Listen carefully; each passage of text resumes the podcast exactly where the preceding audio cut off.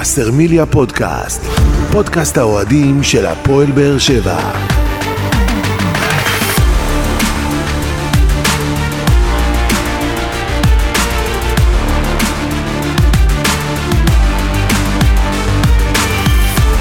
שלום לכם וברוכים הבאים לבשרמיליה פודקאסט. פרק 37 בסדרת פודקאסטים שמלווה את הפועל באר שבע לאורך העונה ותנסה להתמקד בנושאים שאתם, אוהדי הקבוצה, תעלו בפנינו בפלטפורמות השונות. אנחנו פותחים את הפרק הזה באנרגיות אחרות לגמרי ממה שפתחנו את הפרקים האחרונים, והפועל באר שבע חוזרת סוף סוף שוב לנצח, והפעם היא עושה את זה בגדול 4-1 על הפועל ירושלים, וכמו שאמרנו, המועדון הזה מקבל קצת שקט אחרי תקופה קצת אה, לחוצה. לפני שנתחיל לסכם את- המשחק בצורה נרחבת, נאמר שלום לגדעון אסולין שאיתנו פה בפרק. אהלן, שלום, ערב טוב ושבוע טוב. שבוע מצוין, מה קורה? וואלה, עכשיו אנחנו רגועים. שמע, אני חייב להגיד לך, הייתי לחוץ בטירוף מהמשחק הזה.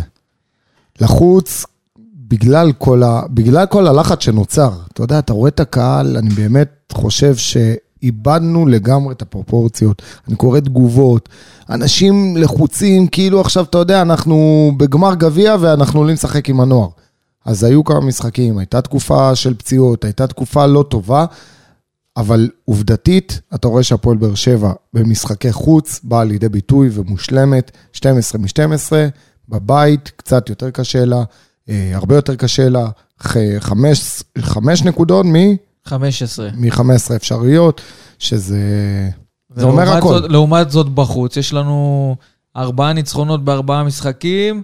כן, 12 מ-12. מאזן- מאזן מושלם. תראה, טרנר ו- פעם היה מביא נקודות, היום הוא לוקח נקודות. ודיברנו על זה בפרק הקודם. נכון, דיברנו הלחץ הזה. על העניין שטרנר, אתה יודע, איפשהו, ככל שמתקדם הזמן וחולפות הדקות, אז אתה מרגיש שיש כבר את הלחץ הזה שיש איזה שעון חול שמתחיל אה, ללכת אה, ולהיגמר ככל שהמשחק מתקדם, ואז הלחץ משפיע, ואז אליניב ברדה גם דיבר על זה שהקבוצה, ראינו את זה גם, היא, היא לחוצה בחלק הקדמי, מגיעה להזדמנויות, נכון, בדיוק, גם הגענו לא- למצב, נכון, אתה רואה לא- שזה נטו החמצות של לחץ, ו- ויצא ו- לנו- וחוסר ריכוז. ו- יצא לנו גם לדבר אחרי המשחקים האחרונים עם הקהל של הפועל באר שבע, עם אוהדים מהיציע, ובוא נגיד ככה, 90% מהתגובות לא היו אופטימיות יותר מדי, וכאילו עבר פה איזה משהו שחור, ואתה אמרת דברים נכונים על זה שהקהל של הפועל באר שבע זה או שחור או לבן, ואין באמצע, וראינו, אחרי התוצאות האחרונות, אחרי התיקו מול אה, אה, הפועל חיפה ונס ציונה בבית, ראינו באמת שהקהל איפשהו... אתה יודע, לא נתן לקבוצה הזאת יותר מדי סיכוי, והנה מול הפועל ירושלים התאוששנו, אבל בואו נעשה את זה בצורה אה, מסודרת, גדעון. סיכום משחק, אז הפועל באר שבע חוזרת מטדי עם ניצחון 4-1 על הפועל ירושלים, כובשי השערים רותם חתואל, שפי סולימנוב, עדן שמיר ומיגל ויטור, וסוף סוף, גדעון, דיברנו על זה שהפועל באר שבע הגיע למצבים גם במשחקים הקודמים, צריך להגיד את האמת, גם מול נס ציונה, גם מול הפועל חיפה עשינו את זה, הגענו למספרים, ואם אני, אני משווה חושב את זה... שנגד נס ציונה הגענו ליותר מצבים מאתמול, כן? לגמרי, בוא נעשה, בוא נעשה את ההשוואה. אז מול נס ציונה, בעטנו 12 בעיטות uh, לכיוון השער של היריבה, ארבע מהן הלכו uh, למסגרת, כבשנו שער. אחד. שערים, שערים ודאיים, יפה, היה שם ש... את אנסה ועדן ואליאס. שמיר ו- ואליאס, נכון. ההזדמנויות שלא נכנסו משערים, שאתה יודע, זה 80 אחוז גול, נקרא לזה חד ככה. משמעית. לעומת זאת, בעטנו פחות למסגרת של הפועל ירושלים, שבע בעיטות uh, למסגרת, שש מהן הלכו uh, לשער, שש מהן הלכו למסגרת, ארבע משש, זה, הפועל נ- באר שבע זה אתמול נתון- הייתה יעילה. הפועל באר שבע אתמול הייתה יעילה, הפועל באר שבע אתמול הייתה קלילה, הפועל באר שבע שיחקה נכון נגד הקבוצה אולי הכי לוהטת והכי פורחת בליגה, בבית שלה, משחק חוץ, תראה את כל המשחקי חוץ מתחילת העונה הם משחקים קשים, אז חוץ מבית"ר ירושלים שאולי באמת קיבלנו אותם מפורקים, אז יש לך את הפועל תל אביב, ויש לך את מכבי נתניה, ואתמול אה, הפועל ירושלים, קבוצות קשות, והפועל באר שבע יודעת לנצח ולעשות את, את, את זה בצורה הכי נכונה, ומעל הכל, הפועל באר שבע שיבשה את המשחק של הפועל ירושלים. אני לא ראיתי את הפועל ירושלים מצליחה לצאת יותר מדי. ההגנה עמדה נכון, למרות שעוד מעט נדבר גם על העומס ועל הפציעות, כי אני חושב ששיחקנו אולי עם שני שחקנים בהגנה כן. אתמול. אה, ו- וגם התקפית. התקפית עשינו את זה נכון, גם אם זה חלק ממצבים נייחים, אה, אולי כל השערים הגיעו בסוף ממצבים נייחים. וצריך את אבל- זה, כי אם נסתכל על המשחק מול נס ציונה, קיבלנו שבע בעיטות ישירות. נכון. מצבים נייחים, רק אחת מהן הלכה למסגרת. נכון. אז פה ידענו לנצל, וצריך יד- להגיד שזה, ידענו שזה לנצל. דבר משמעותי לקבוצה, זה חלק מהכדורגל. אני לא אוהב את הביקורות האלה. ראיתי גם אוהדים של הפועל באר שבע אה, כותבים, שלושה שערים עם מצבים נייחים. למה, מצבים נייחים זה לא כדורגל? נכון. מה זה? ו- ועוד פעם. כדורסל? מה זה? ו- ו- והגולים, מעבר למצבים נייחים, גם הגולים היו יפים, הגולים התחלקו בצורה טובה. אם אנחנו מדברים על גול ובישול של רותם חתואל, גול, אתה יודע, אם... אמנם, ה- ה- בוא נדבר רגע על המיקום שלו. אתה יודע, הוא יודע איפה לעמוד, אנחנו עוד מעט גם נתייחס לזה, אבל הוא יודע איפה לעמוד, את כמות השערים שהוא כובש, הוא באמת, אתה יודע, יש לו קרח בוורידים לעמוד ובאמת להגיע למצבים האלה בצורה הכי טובה והכי היה תרגיל. מתוכנן. המצב נייח הראשון היה תרגיל מתוכנן, מיגל ויטור, אתה רואה כבר, יודע איפה להוריד את הכדור, כדור לראות אם חתואל. כדור ענק של אה, רועי גורדנה, ש, שנוסף למאגר הזה של כאלה שיודעים להרים את הכדור, וראית את זה בכמה מצבים שהוא הרים כדורים באמת גאוניים. אז הוא הרים כדור אה, מעולה ל- לוויטור, ויטור הוריד עם הראש בצורה הכי טובה שיש ועם המון נשמה, ורותם חתואל, כמו שאמרנו, התמקם בצורה נכונה.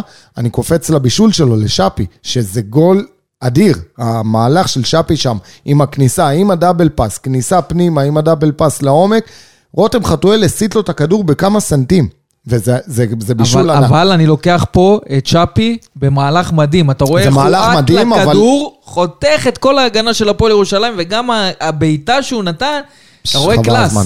אתה רואה class הזמן. בשחקן הזה. אבל מה שאני רוצה להגיד, שפי, אנחנו ראינו את האיכויות שלו. רותם חתואל אתמול הבין מה שפי הולך לעשות, ואם באר שבע תתאמן על זה, אפילו שהקבוצה היריבה יודעת, כל משחק עם האיכויות והמהירויות והכוח של שפי יכולה לעשות את זה. שמישהו יבוא, ייתן לו את התשע, מה שנקרא, ייתן לו את ה- את ה... את ה- אתה יודע, את הגב, יוריד לו כדור, הוא בא עם הפנים, ב-double pass הוא חותך את כל ההגנה. ודיברנו על זה, גדעון, שקבוצות מתחילות ללמוד את צ'אפי, סוגרות לו את השמאל, ואז איפה שהוא הוא הולך ראש בקיר, דיברנו על זה שגם אבל אתמול הוא לא הלך ראש בקיר, לא. כי הוא נתן את הדאבל פאס. אבל דיברנו על זה שגם מגן על הקו שלו, וגם כמו שאתה אומר, עוד שחקן באמצע שיכול, אתה יודע, לשתף איתו פעולה, ככה אתה יכול לשבור את ההגנות, אבל אין ספק שמבחינת היצירתיות של הפועל באר שבע במשחק ההתקפי, שפי זה שחקן מאוד משמעותי. ראינו עד כמה הוא מוסיף, כמעט בכל משחק הוא מוביל בדריבלים ובבעיטות לשער ומצבים אה, אה, מסוכנים מול השער, וסוף סוף זה נכנס לו. ראינו הרבה בעיטות שלו במשחקים הקודמים שהלכו החוצה. גם הוא, כמו שחקנים אחרים, בסופו של דבר הביאו את היעילות במשחק הזה של הפועל באר שבע. אבל בואו נסתכל רגע על ההרכב. קודם כל, עמרי גלאזר חזר לשער במקומו של אה, אריאל הרוש. היו כל מיני דיבורים בקהל של הפועל באר שבע. לא, הוא שזה פותח בסדר. גמור, חבר'ה, יש לנו להגיד- שני שוערים טובים. עמרי גלאזר קנה את המקום שלו בזכות מה שנקרא, והוכיח את עצמו, והיום הוא השוער הראשון המובהק של הפועל באר שבע. יחד עם זאת, על הספסל אין לנו איזה שחקן שעלה עכשיו מהנוער, או, או איזה שוער אלמוני. יש לכם את אריאל הרו, זה פיגורה בקנה מידה של כדורגל ישראלי, ו- וצריך גם לשמר אותו. וצריך להגיד שהצוות המקצועי ידע מראש שבמשחק מול נס ציונה, עמרי גלאזר הולך לקבל מנוחה. בסדר גמור. ולתת את הדקות לאריאל הרוש, וזה קרה. בואו נדבר על חוליית ההגנה של הפועל באר שבע, יד אבו עביד ומיגל ויטור אה, במרכז ההגנה. ימין, שגיב יחזקאל. באופן מפתיע, תראה, תראה באופן. מפתיע, כי ראינו את אה, שגיב עד היום, אה, אתה יודע, מתנשא בעמדת המגן הימני או הכנף הימני, ואתמול לפתוח איתו מול, שוב, קבוצה קשה, בקו של ארבע, כמגן ימני בלעדי. אמרת, ש- קו של ארבע, צריך להדגיש בקו את זה. של ארבע, זה מה שאני אומר. כמגן ימני בלעדי. שעליו משחק שחקן שהוא די פורח בליגה, גם יאו, אני רואה אותו בכמה משחקים, הוא עושה לא מעט צרות בקו שמאל, ושגיב במשחק הגנה ענק. התקפית, הוא יצא והוא עשה את הדברים, במשחק הגנה פשוט, באמת אה, עשה הרבה פעולות טובות. אז בוא נרים לך במספרים. אוקיי. גם בחילוצי כדור, הוא שני בקבוצה ביחד עם לופס וויטור, עם אה, שישה חילוצי כדור, ותיקולים מוצלחים הוא ראשון בקבוצה. שישה תיקולים מוצלחים אה, מתשעה. אז לא ידעתי את שזה- הנתונים, אבל ראיתי את זה פשוט, שהוא באמת נתן משחק. ואגב, גם במאבקים שני בקבוצה אחרי עדן שמיר, שזה נתון יפה, ואנחנו רוצים מגן, אז גם בדריבלים הוא ראשון בקבוצה. היה לו משחק די טוב, אפשר להגיד, אצל שגיב יחזקאל, אבל עדיין הוא צריך ללמוד את התפקיד הזה לעומק ולהשתפר בו, כי אפשר להגיד שזה סוג של התפשטות, כי אין משהו אחר יותר טוב כרגע בהפועל באר שבע. ראינו את אבו עביד מבחינה התקפית בעמדה הזאת כמעט ולא תורם כלום, דדיה פצוע, אז באמת אליניב ברדה מנסה להוציא אש מעין, ובמקרה הזה שגיב יחזקאל תראה, יש הרבה דוגמאות. האופציה יש- הכי טובה. יש. הרבה דוגמאות של הסטת אה, שחקן התקפה, חלוץ או כנף, אה, לעמדת המגנים דווקא, או לעמדת הבלם, ויש להם איזה יתרון כי הוא יודע איך החלוץ חושב, איך הבלם חושב, הוא יודע גם כשהוא תוקף עם הפנים למעלה, אז יש לו עדיין את ה... אתה יודע, את הפעולות שהוא, שהוא יודע איך לסיים את ההתקפה, או איך להרים, או איך להוציא. אה, עם שגיב, אני חושב שברדה אה, התעקש, וראינו כמה משחקים שהוא ניסה אותו, ואמרנו זה לא זה, והקבוצה נכנסה ללחץ ומאבדת נקודות, אז אם זה יצליח, אתמול הוא במשחק גדול, אבל אם, בוא נסתכל חודש קדימה, שגיב ככה יוכל באמת לקנות את המקום שלו בעמדת המגן הימני, ולהיות ככה, אה, בוא נגיד, אה, כאלטרנטיבה טובה לדדיה, להוריד את הכובע בפני ברדה על ההתעקשות ועל זה שבאמת ככה נתן לו את הרוח ונתן לו את הגב. אה, תחזק את זה שאתמול באר שבע, לצורך העניין, מבחינתי, שיחקה עם שני שחקנים בהגנה. ויטור ולופז נופלים מהרגליים.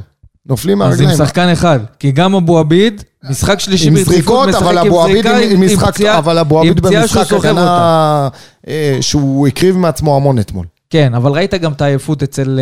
אה, אני לא יודע אם זה רק עייפות פיזית, שמענו גם את גיא פרימור בפרק על הקודם, גם על. העייפות המנטלית, אתה רואה שכבר הפעולות, המחשבה היא לא מחשבה חדה כבר, אתה רואה את. העייפות הזאת גם על שחקן אני- כמו ויטור וגם על שחקן כמו לופס, שהם שיחקו כמעט כל המשחקים אני שהיו. אומר עד לך. אני רואה אתמול את ויטור, חוזר להגנה, הוא רץ כאילו הוא מבוגר בעשר שנים ממה שאני מכיר את ויטור.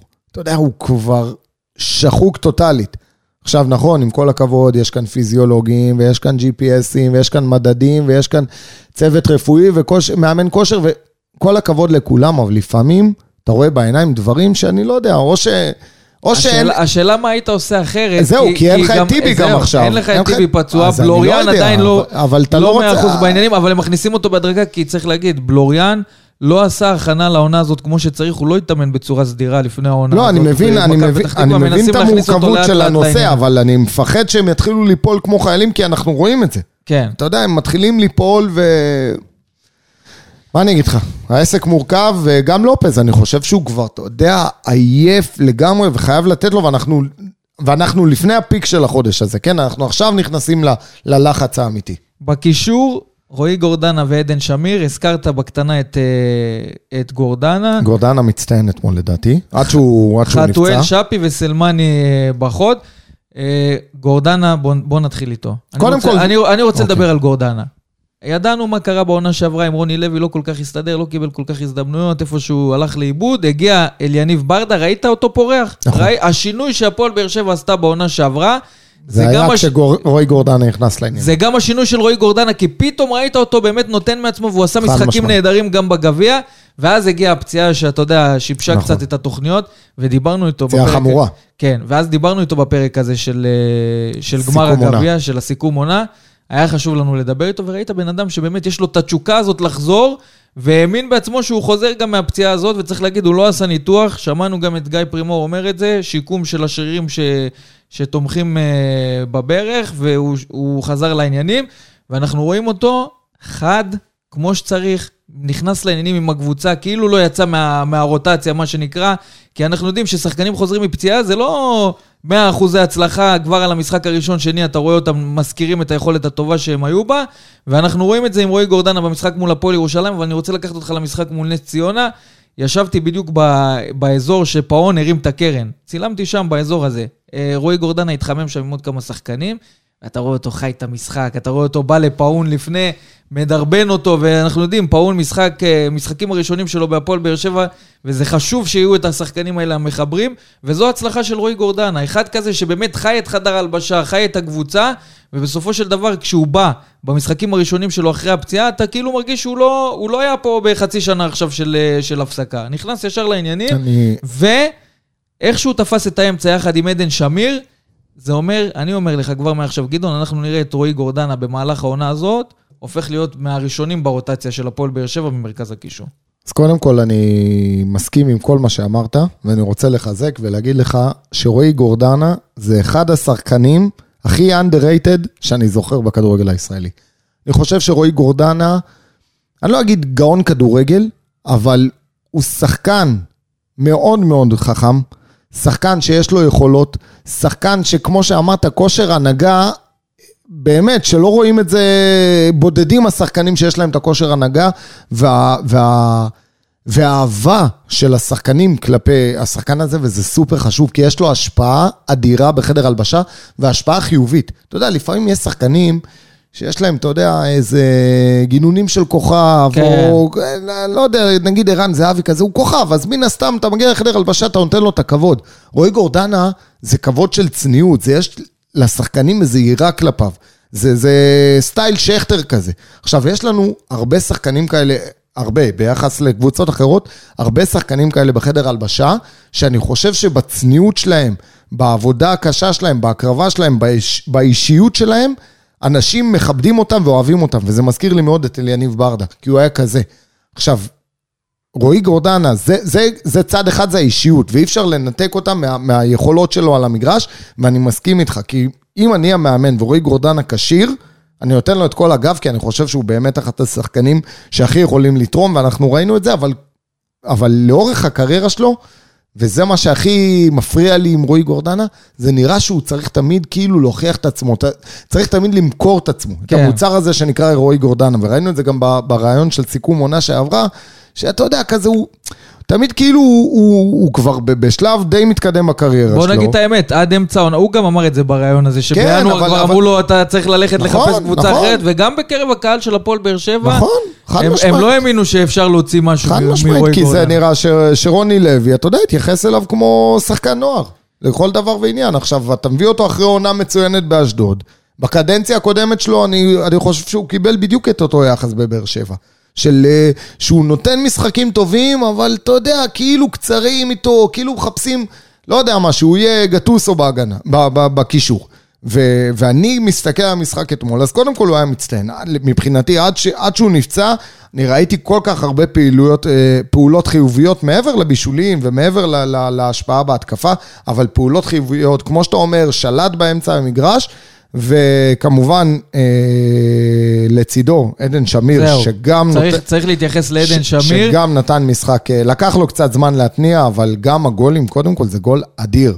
אנשים אומרים פוקס, ראיתי כמה תגובות. אז זה גול מכוון, נגח לאחור, סיבב את זה לחיבור, נכון, צריך גם הרבה מזל שזה כן. ייכנס בסוף. לא כל כך הסתכל על זה, כן, אבל הוא כיוון. כיוון את זה, הוא כיוון, הכדור, אה, אם אני לא טועה, זה היה שפי, נכון? שפי הרים לו את הכדור, ו... אה, ועדן שמיר ככה סיבב את זה, אז... אה, בסוף... אני, אני רוצה להתייחס גם על הקטע ההגנתי, כי צריך להגיד, בררו שלט ביד רמה בקטע הזה בהפועל באר שבע, כמעט בכל משחק. אז זה טוב, אז יש לך תחרות בריאה עכשיו. הוא היה, הוא היה מצטיין, ואני מסתכל עכשיו על הנתונים מהמשחק הזה. חילוצי כדור, שמיר ראשון עם 11 אה, חילוצי כדור, מאבקים, שמיר ראשון. והחלק היותר מעניין, שגם מבחינה התקפית הוא תרם להפועל באר שבע, שזה משהו שכל הזמן דיברו עליו בהפועל באר שבע, אפשר להגיד שני שערים, או שער ובישול. שער וחצי בישול עם המשקוף שם. בסדר, אז יש לך שער ובישול לעדן שמיר, שער ובישול לרותם חתואל, שער ובישול לשאפי, מעולה. עכשיו, מה, מה אני אומר? חיפשו בהפועל באר שבע תמיד את השחקן הזה, שאתה יודע, ייתן גם את התרומה ההתקפית, שחקן מרכז קישור, שייתן גם את התרומה ההתקפית. כרגע עושה את זה טוב עדן שמיר, והתחרות שם תהיה מאוד בריאה, בהמשך אנחנו נקבל את אליאס, ואנחנו נקבל נכון. את בררו, ויש שם באמת תחרות טובה. פתאום נוצר לך איזה ארבעה שחקנים מעניינים כאלה, ש- אבל... שזה ה- נותן מקום לאופטימיות לקראת ההמשך באר שבע. אבל אתה יודע מה שלא... אה, עדן שמיר, מה שיקבע, וגם אגב לגבי גורדנה, זה ההמשכיות שלהם. כי אם הם ימשיכו להציג את היכולת הזאת, אז כמו שאתה מדבר, אה, אנחנו נהנה מתחרות בריאה ומארבעה שחקנים שיכולים באמת להחזיק לך את קישור, את, אה, את, את אמצע המגרש, וזה סופר חשוב. זה באמת עמדה שדי נפלנו בה בשנתיים האחרונות. אבל מה שייחד כרגע את בררו, למעט משחקים או איזה תקופות קצרות שהוא נפל, זה ההמשכיות הזאת, זה היכולת היציבות. הזאת שתמיד... בדיוק, היציבות הזאת, זה, זה, זה שי אליאס אותו דבר, לקח לו קצת זמן להתניע, אבל ברגע שהוא התניע, אתה ראית באמת את הנוכחות, והוא קנה ובאמת שווה ככה את האוהדים בקסמיו, מה שנקרא. אה, אז אני רק יכול לאחל מכאן שבאמת גם גורדנה וגם עדן שמיר ימשיכו ביכולת הזאת שראינו אתמול, ואני חושב ש... שארבעתם יוכלו לתת את הטון ב- בהמשך העונה. ואם נסתכל הלאה, דיברנו בקטנה על אה, שפי וחתואל, אני רוצה להתמקד יותר בחתואל, אז בדיוק. ששוב מוכיח, אתה יודע, דיברו על זה, ספסל, גם אנחנו דיברנו על זה, נכון. עדיף מההרכב, עדיף מהספסל, היה לנו פה ויכוחים, אני ואתה. בסוף, עשרה שערים עד השלב הזה של מילים. העונה, הוא חד. גם כשהוא פותח בהרכב, גם כשהוא עולה מהספסל, הוא חד ועושה את העבודה, ותראה את המספרים שלו, לא צריך... אה, להבדיל, אתה יודע, שחקנים של מיליון יורו שמגיעים לפה ולא נותנים את התפוקה הזאת, בא רותם חתואל מלמטה, בצניעות, בעבודה קשה, מפלס את דרכו עוד בתקופת רוני לוי, אתה יודע שקיבל פטישים לראש כל פעם שהוא הרים את הראש, נכון. ועד שנתנו, עד שהוא קיבל הזדמנות, שחקנים אחרים לדעתי כבר היו מוותרים על הזה. הוא הוכיח אופי, הוכיח מנטליות אצל ברדה. ראינו אותו גם בעונה שעברה מתפתח. והעונה הזאת, אני לא יודע מה הוא אכל או שתה לפני העונה, אבל הוא בא בצורה אחרת, לא, אתה זהו, רואה אז את אני החדות חושב שלו. שזה המשך ישיר לעונה הקודמת, כמו שאמרת, כי ברגע שברדה לקח את המושכות, או קיבל את המושכות, אז בעצם אה, אה, אנחנו ראינו את רותם חתואל פורח, ראינו את גורדנה פורח, ראינו את יוספי בתקופה יותר טובה, מרטינש בתקופה יותר טובה, באמת, ברדה הצליח להרים כמה שחקנים, אבל כמובן שהבולט ביניהם זה רותם חתואל. עשה התקדמות ש- מטורפת. שכמו שהזכרת את זה פה, רותם חתואל, ודיברנו על זה לפי דעתי ככה בתחילת העונה, בקלות, בקלות, בקלות יכל להיות בקטגוריה של ניב זריאן כזה, של שחקנים שהם מפוצצים בכישרון, אבל... שאומרים יש כישרון ומחכים רק לא, לפריצה לא, וכמה שנים הם זה לא, לא לא, קורה. הם גם לא אוהבים לעב- לעבוד קשה, כן. והם לא, כי, כי יש להם כישרון, אז זה בא להם בקלות, אתה מבין? אבל, אה, ורותם חתואל מפוצץ בכישרון, ראינו את זה מהרגע הראשון. אבל שחקן שהגיע לכאן, אם נלך קצת אחורה, הגיע לכאן על תקן נבחן בכלל. כן, אצל יוסי אבוקסיס. ופילס את המקום שלו היום להיות השחקן הכי חם בקבוצה, שחקן שהכי מוערץ, הכי מדברים עליו, הרבה לפני, לא יודע, מדור מיכה או ספורי או שכטר או שמות, אז תשמע, להוריד את הכובע בפניו, כי אני מכיר אישית אנשים שפקפקו מאוד ברותם חתואל ואמרו שהוא שייך לליגה השנייה והליגה השלישית והוא לא שחקן ו- ולא לא משנה איזה שמות השתיק- נתנו השתיק לו. לא מעט אני אנשים. חושב שהוא משתיק כל פעם מחדש. והוכיח שאתה יודע מה, היו הערות גם של יניב ברדה, גם של הקהל, אבל בעיקר של הצוות המקצועי, שגם שמענו את יניב אומר את זה באחד המשחקים, אחרי המשחק במסיבת העיתונאים, מסר שהוא העביר לרותם חתואל, ורותם עובד ומתקן את הדברים, לוקח ומיישם את זה בשטח, וזה גם מה שמביא הצלחה. בסופו של דבר. עכשיו תוסיף לזה שאנחנו מדברים על מספרים, אבל בוא, לא נשכח ש, שהוא בחצי מהזמן, חצי מהדקות, מהאחרים. מספר אחת כי הוא- בליגה ביחס דקות שערים. יש לו בדיוק, כי, חמישה הוא, כי שערים, הוא רוב, שער רוב השערים 77 שלו הוא דקות. באמת עלה כמחליף והכניס, אז זה אומר שהוא שיחק אולי 20 דקות באותו משחק, 10 דקות, רבע שעה באותו משחק, אז זה רק מעצים את ההישג הזה, ושבאמת ימשיך ככה עכשיו. ואני בוא- רוצה להתייחס גם למה שברדה אמר בסיום המשחק, שהוא לא, כמו שאני אמרתי גם באחד הפרקים פה, אין את התבנית הזאת של אה, רותם חתואל כשחקן ספסל נכון. שעולה, שעולה מהספסל ומשנה משחק. אני גם לא אהבתי את המסגרת הזאת. בסוף ברדה בא, בא ואומר, ממשיך לעבוד קשה, ישקיע, יוכיח שמקומו בהרכב, הוא גם יפתח בהרכב, והוא פותח בהרכב, הוא צריך לקבל והוא את פותח הצ'אנסים. בהרכב באיזה תפקיד? הוא פותח בהרכב בתפקיד של מיכה, בתפקיד של ספורי, הוא פותח, פותח בהרכב בתור הקשר ההתקפי, זה לא, זה לא השיבוץ הרגיל שלו, אנחנו בדרך כלל רגילים לראות אותו בכנף שמאל, אתמול הוא דווקא משחק מעל עדן שמיר ומעל גורדנה, ככה בשפיץ של המשולש הזה, באמצע המשחק, הרבה כדורים עוברים דרכו, מוסר ימינה לשאפי, מוסר שמאלה לפאון, מזין את סלמני, לא שסלמני היה כל כך מעורב מעבר ללחץ שהוא מפעיל שם, אבל היה לו משקל על התפקיד הזה, ואני חושב שהוא עשה אותו די טוב. זה אומר ש, שרותם חתואל, כח- כ- בהמשך ישיר למה שדיברנו עד עכשיו, ברצינות שלו, כל תפקיד שנותנים לו, הוא מתאבד עליו ו- ו- ו- ועושה את זה בצורה הטובה ביותר. יאללה, הדלקת אותי, הדלקת אותי לשיחה נו, בהפתעה לרותם בוא- חתואל. עכשיו או שנדבר קצת על סלמני קצת ונעשה את לא, זה? אני חושב שאנחנו חמים, ו... יאללה, בואו נעשה שיחה בהפתעה לרותם חתואל, ככה ניתן לו את, אה, את הברכה שלנו. איך אני חולה להדליק אותך. בן בודה. יאללה, בוא.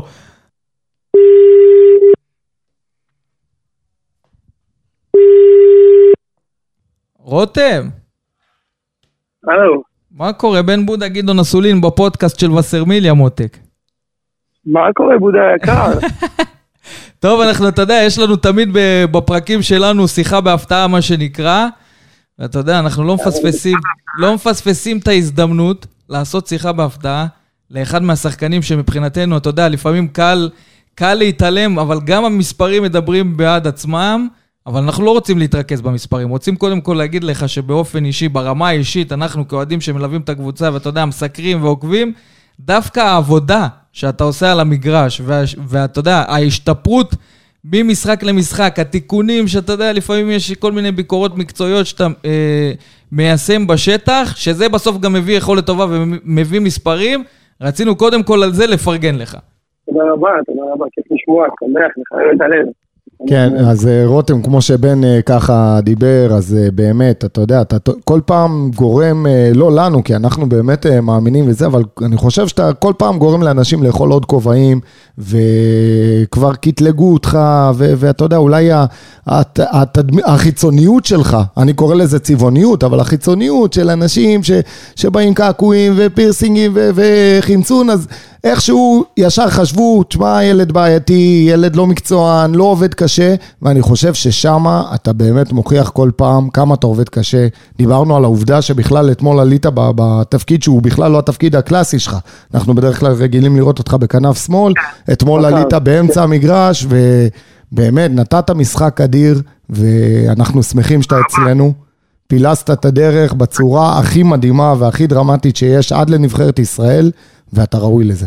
כיף לשמוע, כיף לשמוע, רק אתה יודע, אני מאמין בדבר שנקרא המשכיות, אני מקווה בעזרת השם להמשיך, ואתה יודע, לתת את התפוקה הזאת. אנחנו איתך לאורך כל הדרך, ובטוחים שתמשיך, כי יש לך את זה. ומילה על החיבור של הקהל. תודה רבה. הפכת להיות אחד מהשחקנים שמתחילים להתחבר אליהם. ככל שתתקדם... האמת שאני אגיד לך, כן? אני אגיד לך, אני אגיד לך לקהל, האמת שמהרגע הראשון שחתמתי בהפועל באר שבע, בהתחלה, אתה יודע, היית, כמו שדיברתי מקודם, על הבלונד, על הקעקועים, על כאלה שהרימו גבה, הוא ככה, הוא בליין, הוא יוצא, הוא הכל, אבל מהרגע הראשון שבאתי לפועל באר שבע, אני חושב ש...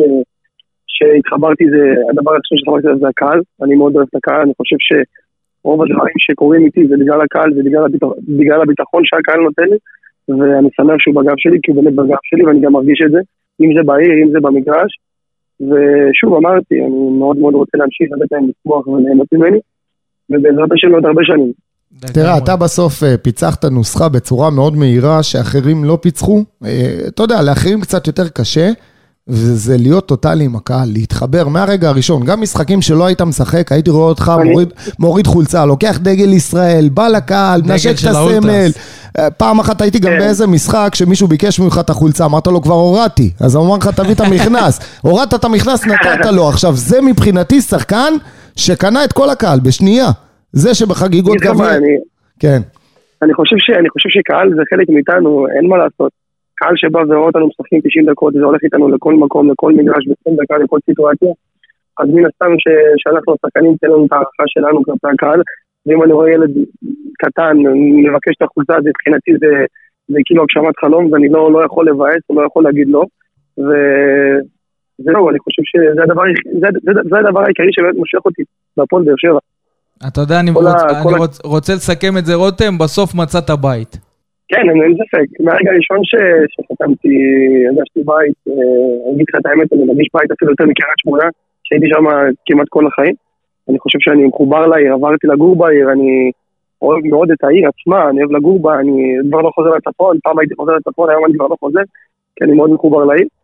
ובעזרת השם אמרתי, אני מקווה להמשיך ככה, ושזה כל התקופה הזאת, הטובה הזאת תמשיך. אז זהו, אז, ו... אז זהו, לסיום רותם, נאחל לך באמת אה, המון הצלחה בעונה הזאת, תשמור על יציבות, תמשיך לעבוד תודה קשה, רבה, רבה. ובעזרת השם תהיה לנו עונה טובה. תהיה, תהיה, בעזרת השם. אחלה רותם, שיהיה המון בהצלחה. אוהב אתכם, תודה רבה. תודה, תודה. אתה מבין? אז זה לא סתם, זה לא אחד סתם. אחד משלנו. אחד משלנו מרגיש טוב פה בקבוצה, נותן את העבודה הקשה, מביא את המספרים, וכמו שאמרנו גם לרותם, בסוף ההמשכיות, היציבות, העבודה הקשה, צריכה להמשיך לאורך כל העונה. פתח את העונה בצורה טובה, ונאחל לו שבאמת גם יסיים אותה בצורה טובה מבחינת מספרים, והלוואי גם עם הצלחות אה, מקצועיות ביחד עם הקבוצה. אה, האמת, האמת, אתה שומע אותו, אתה שומע אותו מדבר על החיבור עם הקהל וכל הדברים האלה מסביב. אין מה לעשות, זה אחד השחקנים שבאמת התחברו לקהל. אתה שומע אותו מדבר על באר שבע, והוא עדיין מתרגש, והוא עדיין, אה, אתה יודע, משפשף את העיניים למה שקורה לו, ומה שקורה סביבו, והוא מאמין בעבודה קשה, ואתה יודע, וזה הכי מגיע לו בעולם. עכשיו, דיברנו בפודקאסט שבוע שעבר עם גיא פרימור, דיברנו בהקשר דווקא של הפרי גיים, של יום משחק, וצריך, כאילו, בכדורגל יש תרבות ויש לפני ויש אחרי גם... המשחק ספציפית. עכשיו, רותם חתואל זה בדיוק השחקן שלפני ואחרי. הוא מתחבר לעיר, הוא מביא צבעוניות, הוא מכניס, אתה יודע, האינסטגרם.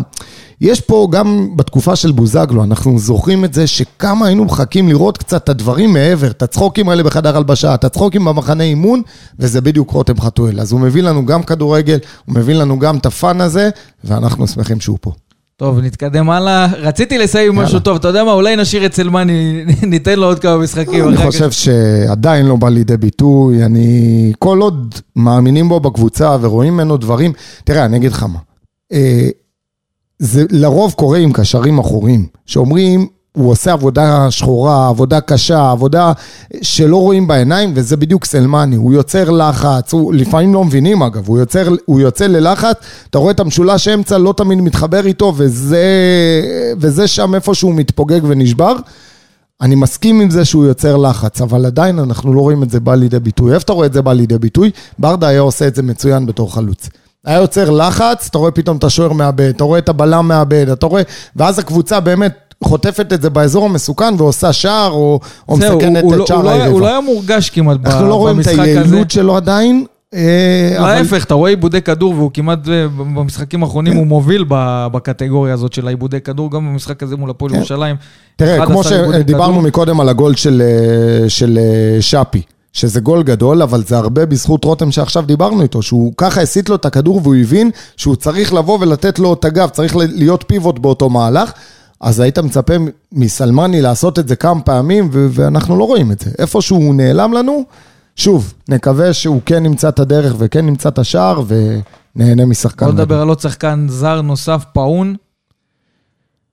אמ, אני חושב שיש לו כדורגל, אני חושב שהוא... אבל כמו שאמרנו, מוקדם אני... מוקדם מדי. אני, אני לא יודע אם הוא יהיה ברמה. של שובר שוויון, כי... מוקדם מדי, אני, אני עדיין לא לוקח את זה לשם, גדעון, כי היו לו, היו לו רגעים שאתה אומר, זה יש לו כדורגל, והוא כן, באמת... הוא משתדל ונותן, אבל אתה רואה הרבה מצבים של אה, כמו אתמול. היה לו איזה, אה, אתה יודע, איזה חמש שניות לחשוב, לעשות איזה משהו חכם עם הכדור באגף שמאל. אה, קבלת החלטות כזה של בוא נעשה עוד דריבל, אבל כמו שאתה אומר, זה עדיין מוקדם מדי. יש לו כדורגל, אני לא מבטל אותו לגמרי.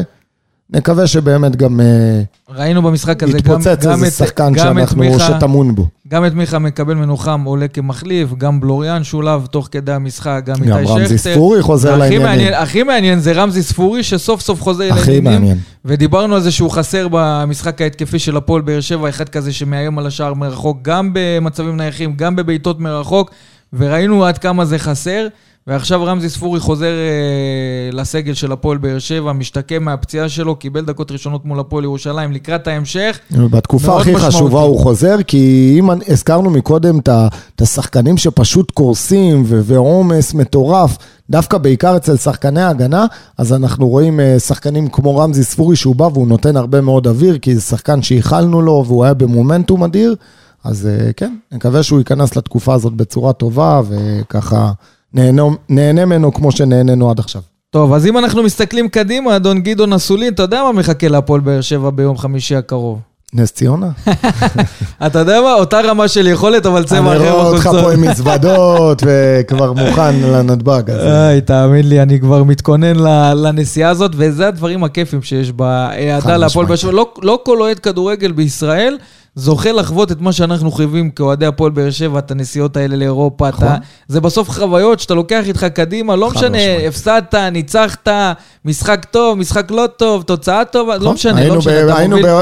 בווינה וראינו 0-0 ועדיין נהנינו מחוויה מטורפת וכל הימים לפני המשחק והצעדה ואחרי המשחק ו... אין, זה משהו אחר, שאתה רואה, תראה, במשחק חוץ כאן בארץ, שאתה הולך עכשיו לטדי, נוסע לבלומפילד, נוסע, אתה עדיין נהנה. זה יום שהוא חג, אתה יוצא מוקדם, אתה הולך, שותה איפשהו, אוכל איפשהו, מגיעים, יש שירה, יש עידוד, אז קל וחומר שמדובר בחו"ל, זה בכלל אחרת. שאתה רואה את כמות הבאר שבעים שמגיעים אתה למשחק רואה חוץ. את כולם במטרו, זה... במטרו, בצעדה, לקראת המשחק, אתה מתחיל להתחמם, זה אווירה שמי שלא היה במשחקי החוץ של הפועל באר שבע מישהו- באירופה, פתאום כולם מתגלחים על האנגלית שלהם. כן. את- מי שלא היה לא יכול להבין עד כמה זה חד משמעית. חוויה שכאילו הולכת איתך קדימה, ואם אנחנו נסתכל מבחינה מקצועית, קודם כל יום חמישי, 7.45, שעון ישראל זה המשחק.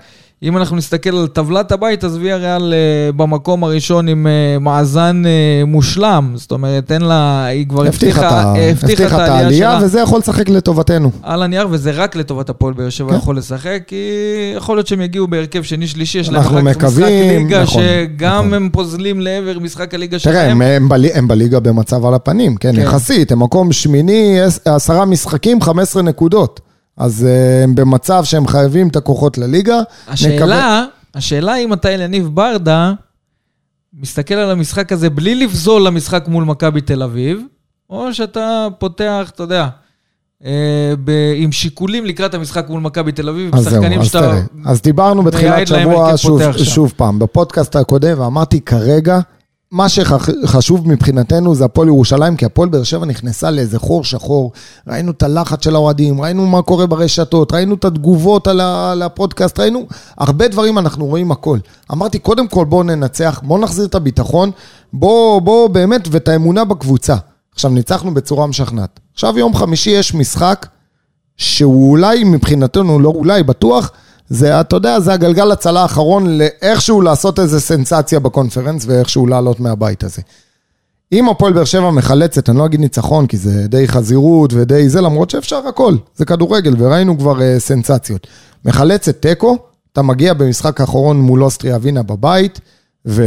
ויכול באמת לסיים את זה בצורה הכי טובה שיכולה להיות. ואליניב ברדה, כמו אליניב ברדה, הוא לא יוותר על אף משחק. אני בטוח שהוא יעלה עם הכלים הכי אה, התקפיים והכי כבדים שיש לו, עם השחקנים הכי חמים ובכושר הכי טוב למשחק הזה. קל וחומר שתוסיף, כמו שדיברנו, אתה ועוד רבים וטובים נוסעים למשחק הזה. צריך לכבד את האוהדים שמגיעים.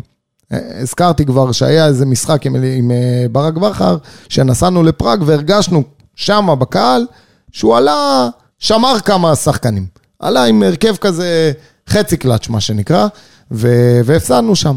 ואין דבר יותר מאכזב. אז אתה אומר, כל משחק, ואני חושב שזה גם מה לא, שאלני ברדה מעביר לשחקנים, באים במטרה... כמו שאמרת, בסוף יש אוהד בקצה.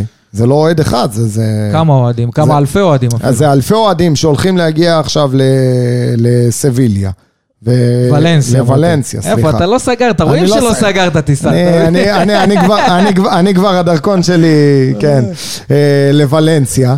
ו, ו, ובאים ו, וכמה ימים, וממיטב כספם, ולוקחים חופשים מהעבודות, מהצבא, מהלימודים, אה, הכל בשביל הקבוצה, ועושים צעדה, ומגיעים בסוף לאצטדיון, ולא יכולים לראות בסוף עכשיו, אתה יודע, השאלה, איזה הרכב מתפשר, זהו, השאלה גדעון, או איזה הרכב נרפא בגלל שיש לך את מכבי תל אביב עכשיו, עכשיו הש, השיקולים האלה צריכים לקחת אותם בחשבון, כי גם אם אני, אני מסתכל על רשימת הפצועים של הפועל באר שבע, בוא נסתכל, איתן טיבי, קרע אה, בשריר הערך האחורי, צפוי לא להיעדר שלושה שבועות חודש.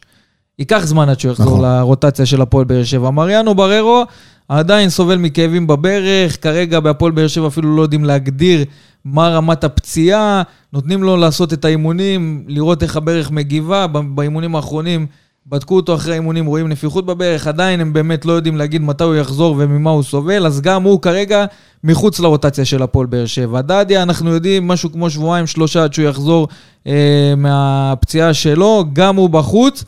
אה, אליאס ינסה לחזור באימונים במהלך השבוע לעניינים. אני, לדעתי, ייקח לו קצת יותר זמן להיכנס, גם הוא לא פציעה ש... של כמה ימים. גם, שאלה אם הוא יהיה כשיר למשחק הזה או לא, אנחנו נהיה יותר חכמים רק לקראת סוף השבוע, באימון המסכם של הפועל באר שבע לקראת המשחק הזה. ואבו עביד, שאנחנו יודעים, הוא כבר משחק עם זריקה, נקווה שלא יחמיר את הפציעה שלו. יש לך את גורדנה, שאתמול יצא כמעט אלונקה, הוא ברגע כן. האחרון כן. קם על הרגליים, אז אני לא יודע מה המצב שלו. עכשיו, אתה רואה את רשימת הפצועים, אתה רואה שחקנים שגם לא יכולים לשחק. מרטינש לא יכול לשחק, פאון לא יכול לשחק, בלוריאן לא יכול לשחק. זאת אומרת, הרוטציה של הפועל באר שבע של אלניב ברדה מצטמצמת, אין לו הרבה יותר מדי דברים לעשות כדי, אתה יודע, אה, להסתכל גם על המשחק מול ויה ריאל, ואחר כך גם על המשחק מול מכבי תל אביב. אין ספק שזה סגל חסר, ועוד פעם, אני לא אומר לך מה אני ספציפית הייתי עושה, אני, אני מההיכרות עם אליניב ברדה, הוא באמת יבוא וייתן את הכל. אני חושב ש... שגם אם אתה תשמור כביכול שחקנים למכבי תל אביב, ותבוא ותעשה עכשיו איזה חשיבה כזו או אחרת, זה לא, אתה יודע, שום דבר לא מובטח לך. אז אתה תפסיד גם את זה, ויכול להיות שתפסיד גם את זה. כאן אתה צריך איכשהו לבוא ולתת את מה שאתה יכול עם הכלים שיש לך, כי כמו שאמרת, יש כאן איזה שישה, שבעה שחקנים שבכלל לא יכולים לשחק, או יותר אפילו. כן, אז, עם אה, אלה שלא רשומים. אז עם הכלים שיש לך לבוא ולעשות. את המקסימום, אה, שוב, להתחשב גם, לא יודע, בעייפות, בעצימות, במתיחות, כי אנחנו ראינו שחקנים שפשוט נופלים מהרגליים, אני לא יודע איך הם יהיו עד יום חמישי, שיש לך מספיק זמן מנוחה אולי. אה, כאב ראש, כאב ראש לאליניב ברדה, לצוות המקצועי, שני משחקים מאוד מאוד קשים בטווח ימים שהוא מאוד קצר. אבל אני- לפחות מגיעים למשחקים האלה עם ככה הנחת רווחה, בדיוק, הניצחון אתמול. היה...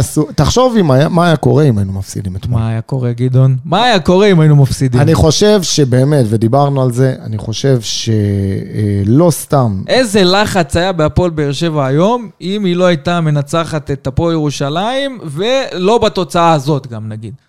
נכון, נכון, זה, זה מטורף, כי אני חושב שגם לפני כן כבר, אתה יודע, אנשים באמת, אני קורא לזה, איבדו פרופורציות, כי קודם כל זה אליניב ברדה, ושלא יגידו לי אם זה מאמן אחר, לא, זה אליניב ברדה. אליניב ברדה, אנחנו בחרנו בו. היה, היה כאן איזה משאל עם, לא, לא גלוי, אבל משאל עם ש, שאלונה די חשה את הקהל והבינה שרוצים את ברדה ומליקסון. רצינו אותם, קחו בחשבון, הם צעירים, הם מתגלחים, הם עושים טעויות, הם עשו טעויות גם בניהול של הסגל, אנחנו לא מתביישים להגיד את זה, אבל עדיין זה הם, זה הנשמה של הקבוצה. הם עושים עד עכשיו באמת מסע אדיר ו- ולקחו גביע, ולקחו עוד גביע, והביאו אותנו לבתים, ואנחנו איפשהו שם גם יכולים לעשות משהו, וגם בליגה אנחנו עדיין בצמרת ו- ויכולים לדבר עד סוף העונה. הכל תלוי בנו. שימו לב שבמשחקי חוץ אנחנו 12 מ-12, לא סתם התחלתי עם זה את הפרק. משחקי בית, שחקנים לא מצליחים לתת פס. יש לזה סיבה, אנחנו צריך להוריד את מפלס להוריד את הלחץ. מפלס הלחץ. חייב. להתרכז בעידוד, הכל תלוי רק בנו, אני להתרכז דווקא כן בעידוד. אהבתי גם במשחק הזה שהפועל באר שבע, כל הזמן דיברנו מתחילת המחצית הראשונה פחות טוב, ואז השינויים במחצית השנייה הם שעושים את ההבדל. במשחק מול הפועל ירושלים, חדים מהדקות הראשונות עם השער המהיר של רותם חתואל שפתח את המשחק והפך אותו באמת למשחק קל. וכבר חרשנו את המשחק מול הפועל ירושלים, נסתכל קדימה, אז כבר ביום שלישי אני הפועל באר אגלה שבע... לך סוד, גם נגד ויה ריאל אני קונה גול אחד במצב נייח. כן? אני קונה גם שניים, זה לא משנה, העיקר שיהיו שערים ברשת מכיוון השחקנים של הפועל באר שבע. אה, אז יום שלישי השחקנים יצאו אה, בטיסת אה, המועדון ישר לוולנסיה, ביום שישי הם יחזרו חזרה, ואז כבר תחכה להם מכבי תל אביב, אבל קודם כל המסע לוולנסיה, נאחל קודם כל המון הצלחה אה, להפועל באר שבע במשחק הזה. אנחנו יודעים שגם מבחינה כספית, אתה יודע, להשאיר את החלום עוד בוער, נקרא לזה ככה, זה חשוב, זה משמעותי. יכול להיות, כמו שאתה אומר, שנוכל לתפוס את ויה ריאל ככה ב... במחשבות על הליגה. ופחות במחשבות על הקונפרנס, אחרי שהם כבר הבטיחו את ההעפלה שלהם. אז הלוואי שנחזור משם עם איזו תוצאה מרגשת. ואתה יודע, ב-. כמעט בכל קמפיין של הפועל באר שבע בשלב בתים כלשהו, היה את המשחק הזה שנכנס, אתה יודע, לספרי ההיסטוריה. אם זה סאוטמפטון, אם זה אינטר. שהצית את ה... כן, שהצית את הדמיון ונשאר גם אחרי הרבה זמן, אז אולי, אולי ויה ריאל, המשחק הכי קשה על הנייר בבית הזה, עם המדורגת מספר אחת במפעל הזה, אולי זה יקרה והפועל באר שבע באמת תצליח לרגש אותנו ולהשתיק גם אמונה, לא מעט אה, מבקרים של הפועל באר שבע. בדיוק. וכאלה שלא סיקרו אותה יותר מדי, בוא נגיד את זה ככה, בחודשיים האחרונים. לא, אני קצת לחוץ, כי שמעתי מדודו עוואט שהוא אומר שהפועל באר שבע עכשיו, אז אתה- אתה- אתה מבין, שוב חזרנו ל... ל- ל- אמרו שהיא לא מעניינת, לא? שוב, כן, שוב יאללה. חזרנו בוא- לכותרות. בוא נמשיך, בוא נמשיך לא לעניין את אף אחד, בדיוק. ושנעשה את העבודה אה, אבל, אה, בספרד. אבל באמת צריך להאמין, ועם עבודה קשה, וגם עם טיפת מזל, אפשר לעשות הכול. עד כאן הפרק ה-36 של וסרמיליה פודקאסט, תודה רבה לגדעון אסולין, תודה רבה, בן בודה. ושיהיה המון הצלחה להפועל באר שבע, ונסיעה טובה לכל הטסים. ובעזרת השם נחזור מספרד עם ניצחון. אמן ואמן. וסרמיליה פודקאסט, פודקאסט האוהדים של הפועל באר שבע.